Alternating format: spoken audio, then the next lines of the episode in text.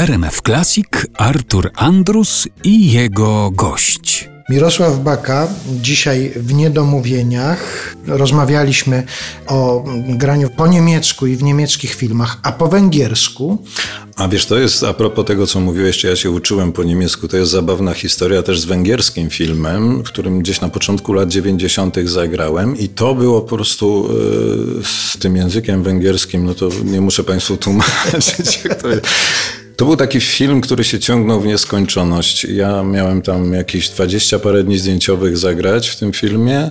Potem się okazało, że mm, oni byli na, na etapie wyprzedawania ma filmu, czyli wytwórni całej filmowej budapesztańskiej Francuzom chyba. W każdym razie im się bardziej opłacało kręcić ten film w nieskończoność, niż pozwalać tym ludziom łazić po pustych korytarzach i robić sobie herbatkę grzałką. Więc za jakieś niewielkie pieniądze płacone ekipie, która i tak by tam gdzieś była, mm, kręciliśmy ten film. Y, miałem ponad 70 dni zdjęć więc spędziłem tam po prostu e, czas od, bodajże od października do kwietnia. Głównie, zazwyczaj byłem samotnym aktorem, bo film w głównej mierze opierał się na tym, że ja uciekam. No i ja tylko pytałem, gdzie ja dzisiaj uciekam, czy w Egerze, czy, czy nad Balatonem, czy gdzieś I wozili, przed kim? wozili mnie. Nie, no przed, przed kim to była taka ucieczka, taka właśnie w stylu takiego mrocznego węgierskiego kina przed jakąś wyimaginowaną, goniącą mnie siłą. Dobra, nieważne, nie o tym jest, nie o, to, nie o tym mówimy, mówimy o języku, więc ja musiałem się nauczyć tego węgierskiego na tyle dobrze, bo miałem sporo scen ze swoją ośmioletnią czy siedmiu nawet letnią córeczką. I to były sceny dialogowe. Ta dziewczynka no, y, mówiła wyłącznie po węgiersku, więc żeby zachować jako taki rytm dialogu, ja faktycznie musiałem się tego węgierskiego, miałem tłumaczkę oczywiście, która mi pomagała w tym dziwnym kraju zakupy robić chociażby po planie, więc y, y, pani Alicja mi bardzo pomagała pomagała w pracy nad językiem. Była takim moim coachem właśnie językowym, no przynajmniej w tych dialogach z tą moją córeczką, z tą dziewczynką. Więc ja się już dosyć dużo nauczyłem, poza tym też grałem w karty z oświetlaczami z nudów, więc musiałem trochę po węgiersku. A jak miałem opowiedzieć córeczce bajkę, to miałem tak dwie strony jakiejś opowieści o wielorybie. I w pewnej chwili się zbuntowałem, powiedziałem reżyserowi, że nie dam rady się po węgiersku nauczyć dwóch stron y, bajki y, w scenariuszu.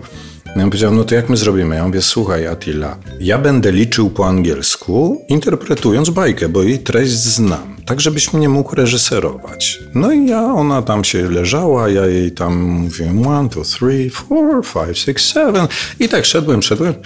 Całą tę bajkę gdzieś tam wyinterpretowałem, tak jak mniej więcej ona brzmiała. No i po czym po pierwszym dublu reżyser mówi do mnie, mówi tak, słuchaj, więc tak e, mniej więcej tak od 40 musisz przyspieszyć, potem tam gdzieś koło 80 to było jak on połknął te dziewczyny. Ja mówię, no, no tak, no to wiesz, to tam musisz trochę podmalować głosem, więc i tak dalej. To był pierwszy i ostatni raz, kiedy ja byłem tak cyfrowo reżyserowany przez reżysera. A węgierskiego się tak w końcu nauczyłem, przynajmniej tych kwestii, które musiałem, że kiedy reżyser szukał po skończonych zdjęciach i montażu, szukał aktora, który by y, mnie mógł zabingować, bo ja Węgra grałem, to był tak dalece niezadowolony z każdej próby, że w końcu zadzwonił do mnie, do, do, do Polski i powiedział, słuchaj, ja rozmawiałem z profesorami tutaj z Budapesztańskiego Uniwersytetu. Oni powiedzieli, że oni w dwa i pół miesiąca podgotują cię tak, że powiesz to wszystko z takim akcentem jak trzeba, więc robisz te postsynchrony.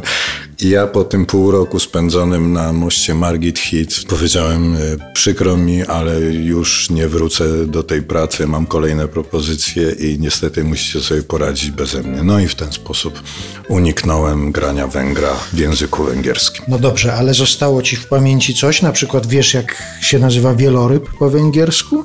Ty wiesz, że wieloryb akurat nie wiem. Nie, bardzo dużo rzeczy z pamięci wyrzuciłem, chociaż jak słyszę mhm. kogoś mówiącego po węgiersku, to jestem w stanie powiedzieć, że on na przykład mówił coś o pogodzie albo o czymś. Wiesz, że to mam takie po prostu zapamiętane jakieś melodie, no i jakieś tam liczebniki, bo to jak w szkali metro zakupy robiłem, to musiałem wiedzieć